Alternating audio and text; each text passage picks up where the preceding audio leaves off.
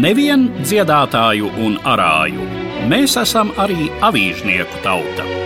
Vai mūsu pirmā atmoda iedomājama bez Pēterburgas avīzēm, mūsu pirmās neatkarības desmitgades bez jaunākajām ziņām un atpūtas, mūsu neatkarības atgūšana bez laikraksta atmoda? Šogad, atzīmējot latviešu avīžniecības 200 gadi, atskatāmies uz šiem gadsimtiem raidījumu ciklā Avīžnieku tauta. Eduarda Liniņa sarunas par latviešu drukātās preses vēsturi katra mēneša priekšpēdējā ceturtdienā pēc pulksten trījiem.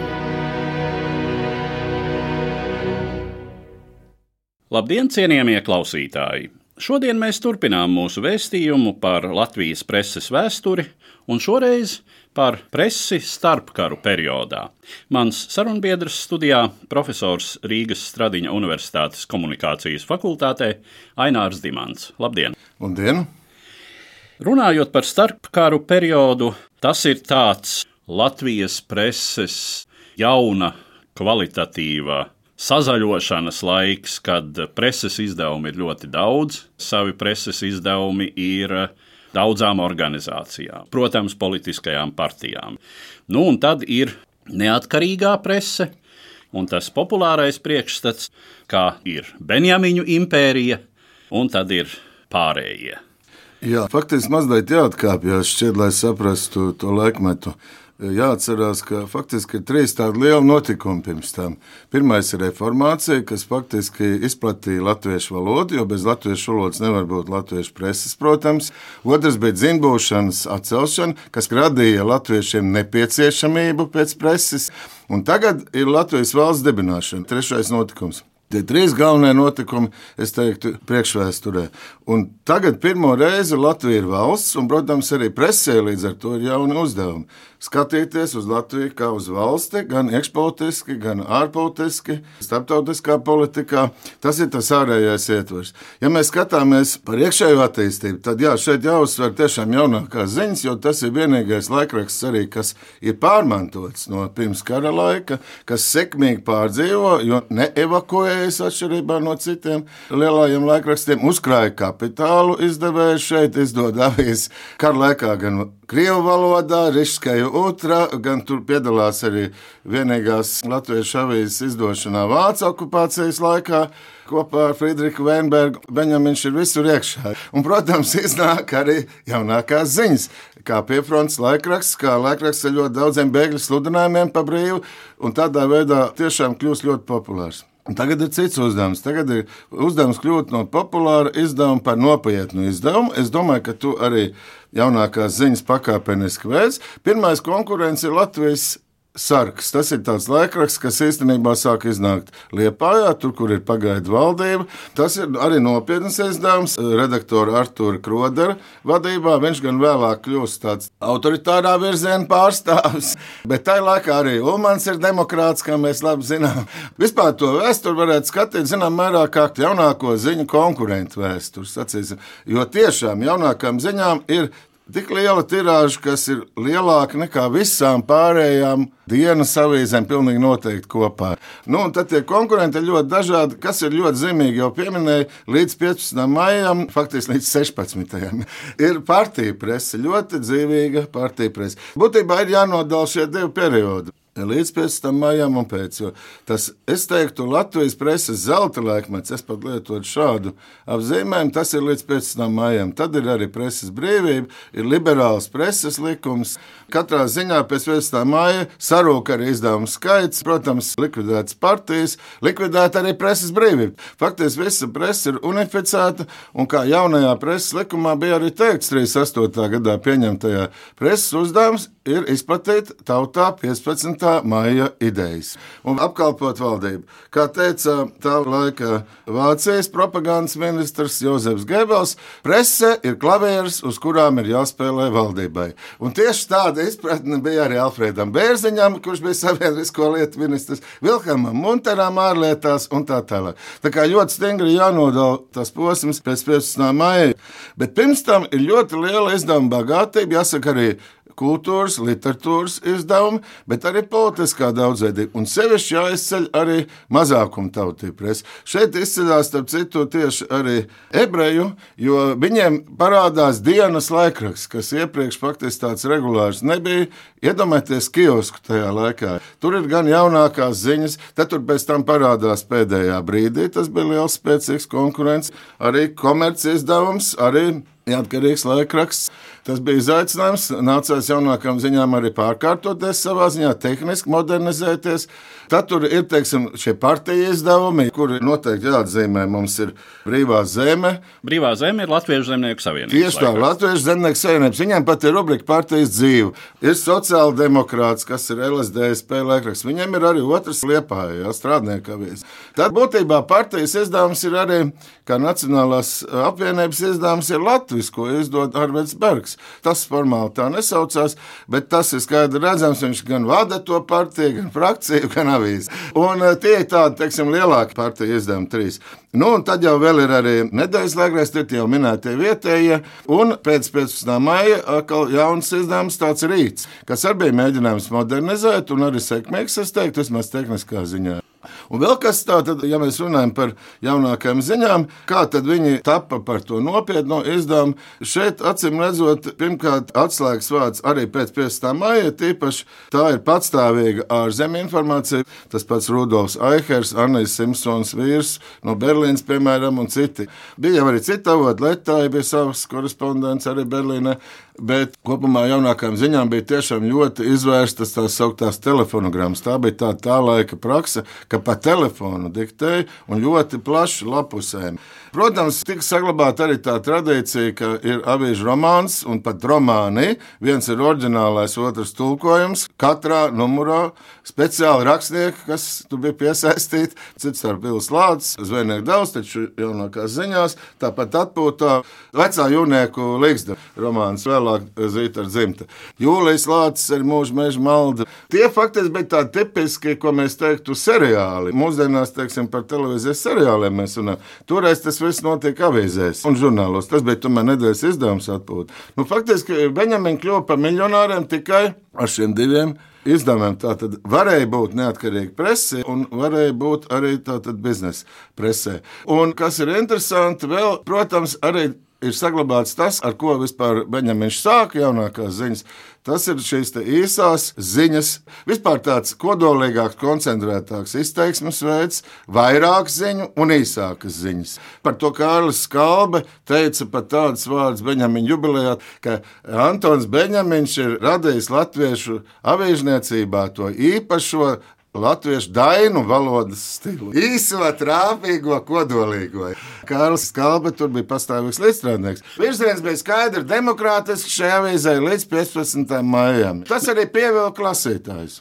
Mēs varam teikt, ka jaunākās ziņas, protams, ir uh, bezparteisks un uh, neatkarīgs izdevums, bet redakcijā ir pastāvīgi štatā Kārlis Skalbe, Jānis Akuraters, kuri nebūtu nav apolitisks personas, kuri ir pamatā saistīti ar demokrātiskā centra partiju un šīm demokrātiski centriskajām politiskajām aprindām. Nu, to faktiski visi vēsturnieki ir atzinuši, ka laikraksts pats nebija atkarīgs no partijām, bet atbalstīja noteiktu tomēr līniju, un tās bija šīs centra grupas, tas bija demokrātiskais centrs, vēl progresīva apvienība, starp citu, Marģers Kujeniek arī.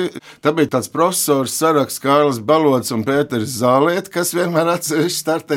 Tie arī visvairāk publicējās tieši jaunākā ziņa, un neapšaubāmi jaunākās ziņas vadīja Antons Beņemiņš, tas bija viņa liberālais tāds kurs jau no sākta gala. Pēc tā viņš arī turēs. Viņš arī atgāja no avīzes vadības, pēc tam diezgan demonstratīvi. Faktiski viņš nodeva pēc 15. māja avīzes vadību savam dēlam, eh, Jānim Beņamiņam, kam arī bija labas attiecības ar jauno valdību. Pašam Antonam nemaz nebija nekādas personiskas attiecības ar Kārlu Ulmani. Diezgan maigi sakot, distancēts. To citu Ulmans kritizē, pēc tam savos pierakstos jau cietumā, padomu savienībā. Beņamiņiem vienmēr interesēja tikai nauda. Tos viņš arī nosūdzēja. Un vēl kas bija ļoti būtisks elements, bija viņam tādas tematiskās lapus, un tur arī ļoti plašs līdzstrādnieku lokus. Tur ir arī par zinātni, par veselību, par dabu. Tur parādās mums jau gan Augusts Kirkensteins, gan Pauls Galenieks, šie profesori. Tā kā varētu teikt, avīzes tiešām bija saturā bagāta, informatīva, operatīva, tur bija daudz lasāmvielas. Respektīvi, viņi faktiski sintezēja kā es saku, gan kvalitatīvu izdevumu, gan populāru izdevumu iezīmes. Visu laiku Antons centās balansēt, un jāsaka, Emīlija atkal ļoti sekmīgi būtībā vadīja lielā mērā atpūtu. Viņas iespējas tur bija lielāks tieši uz atpūtu, bet uz jaunāko ziņu kursu neapšaubām pēc literatūras, pēc atmiņām izriet, ka tas bija Antons Beņemins pats. Viņš arī piesaistīja tos līdzstrādniekus. Viņam bija arī tāds koleģiāls darbs stils. Viņš arī pats bija diezgan iecietīgs pret dažādiem uzskatiem bet sevišķi kreisākiem. Bet palika vienmēr uz satversmes pamatiem.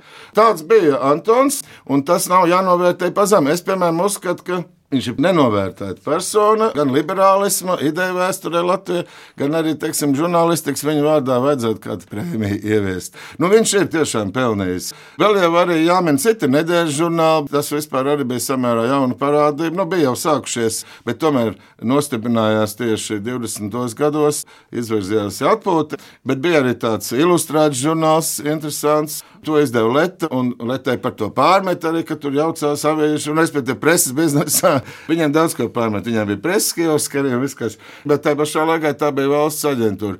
Kas tad bija citi populāri žurnāli?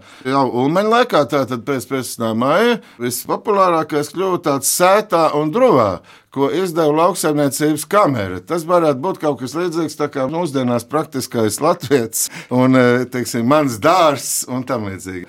Un tad ļoti zīmīgi saistībā ar radio attīstību, jo radio toreiz to daudz nezina, ka Latvijā toreiz nebija valsts finansēts radio. Tas bija abonentu maksu finansēts radio. Katrs, kas bija abonents, tas saņēma arī šo programmu žurnālu. Tur tie nosaukumi mainījās, beigās tas saucās Latvijas vilnis, bet līdz ar to šī žurnāla tirāža arī bija katrā ziņā simtos tūkstošos. Nu, attiecīgi radio abonenti. Jā, pēc šī skaita varēja redzēt, cik cilvēku klausītāju, cik iedzīvotājiem bija radioaparāti būtībā. Vai radio attīstība vispār kādā mērā ietekmēja drukātās preses saturu, apjomu? Viedokļi atšķirās. Te var diskutēt, bet pēc tām ziņām, kas ir pieejamas, jau mums jau nāks restaurēt būtībā pēc avotiem to situāciju. Es teiktu, ka jau 30 no gadu beigās katrā ziņā rādio Latvijā bija kļuvusi par jau masu mēdīju, un it sevišķi jau sākoties otrajam pasaules karam, karš vienmēr ir tāds kā tagad saka, triggers, kurš izraisa interesi par notikumiem karā. Un tas ir bijis vienmēr arī Latvijas preses vēsturē. Tur Latvijas avīzes, piemēram, bija tas Krimas karš, Pēterburgas avīzēs bija akla ASV pilsoņu karš, un tad Pirmais pasaules karš pats par sevi. Un šeit arī sakarā ar kara sākumu cilvēki to var pēc literatūras, pēc atmiņām spriest, ļoti klausījās radio, klausījās dažādas stacijas. Es teiktu, ka būtībā radio jau tad kļūst par galveno ziņu mēdīju. Nevis vairs avīzes. Tā situācija presē mainījās. Un tas vēl īsti apzināts nebija. Faktiski auditorijas aizgāja uz radio un nācās domāt arī būtībā, kā šo radio saturu pārveidot. Jo sākums jau bija tāds ar priekšlasījumiem, ar klasisko mūziku, un pēc tam jau nāk vairāk arī izklaides žanri un populārie žanri, un arī citi sevišķi ziņu dienas tiek attīstīts. Un, starp citu, Latvijā diezgan agri tas notika, bet tas ir fiksēts, ka izdevēji, starp citu, nav bijuši priecīgi par ziņu dienas attīstīšanu Latvijas radiofonā un mēģinājuši likt kaut kādus šķēršļus. Mēs tātad pieskārāmies šim neatkarīgās preses politiskuma jautājumam tieši jaunāko ziņu kontekstā, kā ir savukārt ar nepolitisku tematiku šais partiju izdevumos. Cik tur ir izklaidējoša satura, arī sadzīviski informatīvā. Ļoti interesanta lieta ir teiksim, Latvijas mākslas vēsturē, kad palasa arī atmiņas, ka faktiski mākslinieki arī bija ļoti politizējušies. Bija tā Rīgas mākslinieku grupa, kas faktiski bija vairāk sociāldemokrātiski. Un tad bija tāds Konrāds Ubāns un citi ainavu gleznotāji. Tie bija vairāk kā zemnieku savienība. Atkal. Piemēram, to ļoti uzsver savās atmiņās Ugas Kulmi savā dienas grāmatā tur var redzēt, tur ir arī bijis tāds kautījums, zemesavieši un tā, un tie to brīvo zemi. Un tā mēs atkal, lūk, avīzes sociāldemokrāts, bija arī literāro žurnālu vedot, teiksim, domas, kas arī bija tāds sociālās idejas nesaistīts ar sociāldemokrātiem.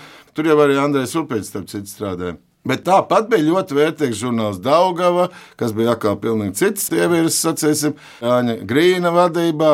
Ritums bija Pāvila Rozēša arī žurnāls. Bija arī tādi, kas pretendēja, teiksim, uz zināmā mērā sociāli filozofiskiem rakstiem, tur burtnieks, bija tāds publicists lapiņš. Es teiktu, tiešām zelta laikmets, jo es nevaru nevienu citu Latvijas preses laikmetu atcerēties, kur būtu arī tā intelektuālā, tomēr intensitāte universitāte. Tā sauktā intelektuālā temperatūra arī tik augsta.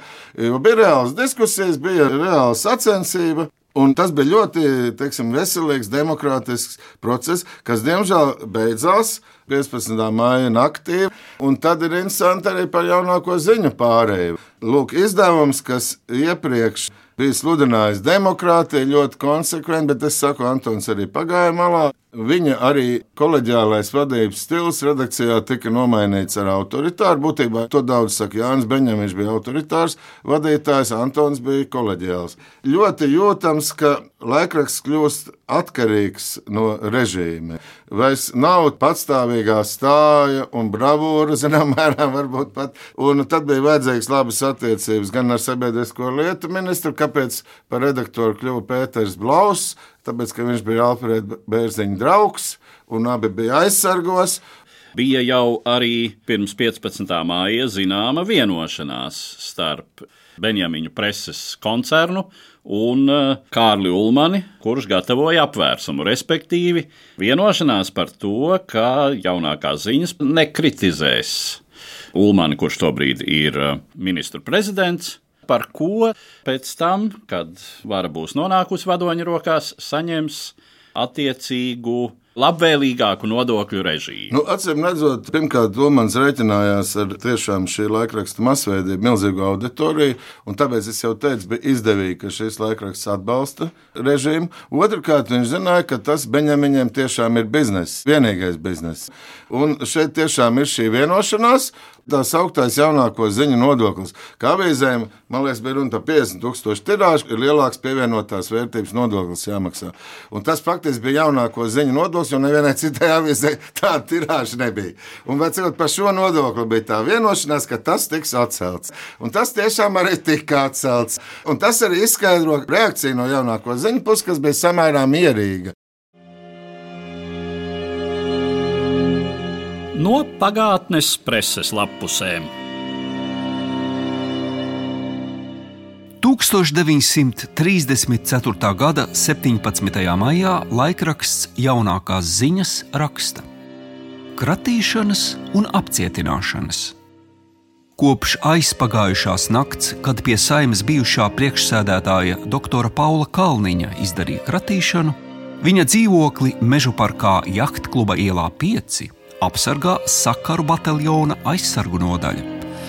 Pats doktors Pauls Kalniņš līdz ar Bruno Kalniņu atrodas politiskā pārvaldē, kur viņiem būs jādod paskaidrojumi sakarā ar vasarnīcā atrastiem ieroču un munīcijas krājumiem. Mežu parka vasarnīcā internētas atrodas Klāra Kalniņa un Bruno Kalniņa sieva. Par sociāldemokrātu deputātu apcietināšanu pilsētā vakar klīda visdažādākās baumas. Runāja, ka saimas priekšsēdētājs Pauls Kalniņš mēģinājis paslēpties pagrabā, bet Bruno Kalniņš paslēpies bēniņos salmos. Šīm baumām izrādās nav pamata. Abi kalniņi pārsteigti un apcietināti meža parka vasarnīcā savās istabās. Kā jau vakar ziņots, Bruno Kalniņš vienu reizi izšāvis gaisā bet pēc tam pacēlis rokas un teicis, ka padodoties. Viņš izšāvis, domādams, ka ielauzušies zagļi. Izkratot Anša Buševica dzīvokli, izrādījās, ka deputāts jau paspējis nozust. Arī nekur citur viņu neatrada.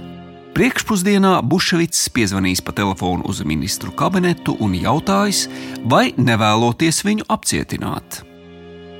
Plašas kratīšanas un apcietināšanas sociāldemokrātu dzīvokļos notika gandrīz vienā laikā, naktī uz trešdienu, pēc pulksten 12. naktī. Saimas deputāta Valdemāra Bastiāņa dzīvoklī Valdemāra un Dzirnavu ielu stūrī nācās uzlauzt četras durvis. Divas uz trepēm, uz kabinetu un uz ēdamistabu. Deputāts Valdemārs Bastiānis paskaidrojis, ka viņš nav ticējis par policijas ierašanos, bet domājis, ka ielaužas dzīvoklī pērkoņu krustieši. Policija uzrādīja orderi par kratīšanu un sakarā ar kratīšanas rezultātiem par apcietināšanu. Paņemti līdzi dažādi dokumenti, daži komunistu izdevumi. Rīgas pilsētas domes priekšsēdētāja un saimnes deputāta Kārļa Dēķena dzīvoklī Pulkveža brieža ielā septiņi politiskās pārvaldes un policijas darbinieki ieradās pulksten pusdienos naktī un uzrādīja kratīšanas orderi. Kratīšana ilga līdz pulksten pussešiem rītā, bet nekā neatrada. Tanī pašā dzīvoklī dzīvo arī dzinieks Valdis Grēviņš, kuram izkratīja kabinetu un paņēma dažas grāmatas. Kratīšanas laikā nekādu incidentu nenotika. Pēc kratīšanām, kuras notikušas arī citu sociāldemokrātu vadoņu dzīvokļos, apcietināti un nogādāti politiskajā pārvaldē Valdemārs Bastiānis, Kārlis Dēķens, Andrejs Veckalns, Fricis Menders, Hermanis Kalpiņš, Pēteris Ulpe, Miķelis Rozentāls, Eduards Radziņš, Roberts Dukurs, Pēteris Zeibolds, Eduards Dzelzītis, Valdis Grēviņš, Andrejs Petrēvits, Ansis Rudēvits, Pauls Leņš, Ankipāns un citi. Bez tam apcietināti komunisti Deglavs un Oliņš. Jautājums par gluži formālo preses sfēras regulēšanu pēc 15. māja apvērsuma. Kā sāk darboties cenzūras mehānismi un kāda savukārt ir pašcensūras elementa loma? Jā, tur ir tā interesantā lieta, ja mēs ņemam tīri formāli. Tad tā sauktā priekšcensūra, jeb iepriekšējā cenzūra, īstenībā ir tikai divs samērā īsts periods. Tas ir uzreiz pēc apvērsuma, apmēram pusgads. Tad ir tiešām izņēmuma stāvoklis ieviests, un tad ir, protams, iepriekšējā cenzūra. To veids iekšlietu ministrijā. Tā pati iestāde, kas būtībā veica pēccenzūru, nu, atbilstoši liberālam preses likumam. Nu, un tad ir atkal sākoties otram pasaules karam. Tad arī tiek ieviests kara stāvoklis, izņēmuma stāvoklis, kas kara apstākļos ir arī īpašs regulējums. Bet tur jau arī liela vairs nepieciešamība nebija, jo pilnīgi precīzi darbojās pašcensūra. Un faktiskā teiksim, cenzūra nav jau tikai viena kaut kāda cenzūras iestāde, tā noteicošā, nu, tā formālā cenzūra, ko parasti domā. Pirmkārt, jau jautājums par to, kas var būt redaktors, tas tika arī ja regulēts. Es jau pieminēju jauno preses likumu. Tur bija ierobežojumi starp citu ārzemniekiem un vispār mazākumtautību pārstāvjiem. Arī ļoti liela nozīme bija tam jaunam likumam, kas jau ideoloģiski noteica virzienu presē, un tas bija uzrakstīts uz papīra, kas ir preses uzdevumi. Bet jau iepriekš faktiski to nodrošināja tā sauktā sabiedrisko lietu ministrija, kas bija propagandas ministrija, kas tika izveidota no iekšlietu ministrijas struktūras, tajā pašā citu adresē, tajā pašā nelaimīgajā stūra mājā atradās šī sabiedrisko lietu ministrija ar visu Alfredu Bērziņu priekšgalā. Faktiski Alfreds Bērziņš bija, kā var teikt, Umaņa Gebels. Caur šo sabiedrisko lietu ministriju, es teiktu, iekšpolitiskos jautājumos un ārpolitiskos jautājumos caur ārlietu ministriju tika dot faktiski norādījumi un piesūtīti raksti, ko atkal atcerās laika biedri, ka tieši jaunākās ziņas izcēlās ar savu tieksmi visu saskaņot ko citi nesot darījuši. Teiksim, oriģināli zemnieku savienības izdevumi, tas bija pirmkārt brīvā zeme, arī rīts pēc tam. Tie esot it kā brīvāk jutušies. Tur jau Jūlijas Droba pats vadīja rakstu mākslu kameru, kas arī vadīja šo laikrakstu brīvā zeme. Mm. Skaidrs, ka viņam nevajadzēja kādu saskaņot neko. Bet jaunākām ziņām kaut kā nācās, jo visu laiku viņi baidījās par ko? Ka viņas var nacionalizēt, jo tādi piemēri bija. Un bija arī piemērs, ka aizstāja savies cietu to pašu Bergu Latviju, kas iedomājās, ka viņi varēs kritizēt valdību, tas absolūti neatbilst autoritārismu definīcijai. Pēc autoritārismu definīcijas absolūti nav iespējams kritizēt valdošo sistēmu un tos, kas ir pie varas. 35. gadā šo avīzi uzreiz vien slēdza. Par spīti tam, ka viņi atbalstīja to apvērsumu un atbalstīja faktiski Omaņa kursu, bet viņi atļāvās arī no savas puses pateikt kaut ko kritisku, kaut ko ieteikt. Tas absolūti nebija pieņemami. Tuvinot mūsu sarunu noslēgumam un rezumējot šo vēstījumu par starpkara periodu Latvijas presi, mēs gribētu piesaukt vēlreiz žurnālu atpūta, un tas ir patiešām fenomens, kas man arī liek piekrist, ka tas bija zināmā mērā latviešu preses zelta laikmets. Es gribētu teikt, ka atpūta droši vien bija visu laiku ietekmīgākais latviešu žurnāls, varbūt pat ietekmīgākais latviešu drukātās preses izdevums, pie kam nevis periodā, kad tas iznāca, bet periodā pēc tam, padomi laikā, taču glabājās kaut kur antresolos, bēniņos. Un teju katrā mājā bija citiem lielāks komplekts, šur tur iesiets, ja ļoti bija paveicies, šur tur pa atsevišķiem numuriem, taču vecās atpūtas tas bija viens no zaudētās neatkarīgās Latvijas simboliem padomju laikā. Nu, un tas saturs jau arī atpūtai bija pietiekami universāls, pietiekami interesants. Un līdz ar to tā bija antitēze ideoloģizētajam padomju laika tā laika vēstures traktējumam, tādā populārā līmenī. Jā, es piekrītu. Katrā ziņā tas ir dabisks, tāds ilustrēts nedēļas žurnāls, var teikt, ģimenē ar ļoti plašu saturu, bet tā ideoloģizācija, protams, parādās pēc 15 maija. To nevar arī nepamanīt. Kas manā skatījumā šķiet arī ļoti lielā nozara izdevuma bagātība ir jāuzsver. Ekonomists, piemēram, žurnāls, ļoti nopietns žurnāls par ekonomiku. Zinātniski žurnāli, arī starp citu par dabu un tā tālāk. Un arī līdz ar to šo nozaru valodas attīstību. Tas arī saistībā, protams, viss ar Latvijas universitātes attīstību. Tas bija pirmreizīgi, jo nozaru sazarošanās tematiskajos izdevumos, specializētajos izdevumos, Tā arī ir jāizceļ tieši šajā posmā. Bet, nu, protams, atpūta. Tas vispār diezgan daudz. Es par to domāju, kādā nozīmē šeit domāts vārds atpūta. Jo ir latviešu valodā izklaide, ir atpūta. Šeit īstenībā Atpūta ir tas brīdis, kas ir domāts arī pārdomām. Tas nav tikai izklaide. Es domāju, ka tāds arī šis žurnāls bija samērā nopietns. Un tas, ko arī centās jaunākās ziņas, es atceros, Jānis Beņģevičs to pilnīgi deklarēja saistībā ar kādu jubileju vai no Antona vai Avijas, ka mēs nekādā ziņā negribam pārtapt par tādu izdevumu tā kā Londonas metro, ko izlasa un nomet zem sēdekļa. Mēs gribam būt tāds nopietns izdevums, kas tiek pat arī pēc tam iesiets un kuram ir tā saturiskā pievienotā informatīvā vērtība. Mēs gribam būt tāds izdevums ne tikai īsajam brīdim. Te bija arī zināmā mērā tās latviešu žurnālistikas tradīcijas pārmantoja gan redaktora loma, gan tas, ko es teicu Latvijas romāns un dzēja, kas bija katrā numurā, tā ir latviešu preses tradīcija. Tas turpinājās zināmā mērā pat pēc padomju okupācijas, kas ir ļoti interesanti. Profesora Brikša ir rakstījusi par to, ka vismaz avīžu dizainā, jo viņai bija kandidāts disertācija par Baltijas Republikas komunistas preses dizainu. Bet tur ir liels atšķirības no pārējās padomju savienības, no krievu preses dizaina. Proti, ka šeit saglabāt tās tradīcijas, avīžu aplauzumā, iekārtojumā, kas jau nāk no aizlaikiem, tā sakot. Un arī no pirmā Latvijas laika. Un taču bija arī gan tipogrāfijas tie paši darbinieki, gan daļēji pat arī žurnālisti viens otrs. Kaut kāda pārmantojuma tomēr tika saglabāta. Tas jau ir mūsu nākamo sarunu jautājums, kas tad būtiski saglabājās, bet patiešām ar tādu secinājumu, ka starpkaru perioda preses attīstība, kvantitatīvi un arī kvalitatīvi jaunā attīstības pakāpe, kas nāca faktiski līdz ar Latvijas valstiskumu, ka tā palika pat nākamajiem totalitārajiem okupācijas režīmiem līdz galam neiznīdējama un tās pēdas ir saskatāmas arī tālākajā latviešu drukātās preses attīstībā, es teiktu, līdz pat mūsdienām. Ar to es arī gribu noslēgt mūsu šodienas sarunu un saku paldies manam sarunbiedram, profesoram Rīgas Stradiņu Universitātes komunikācijas fakultātē Aināram Dimantam. Paldies!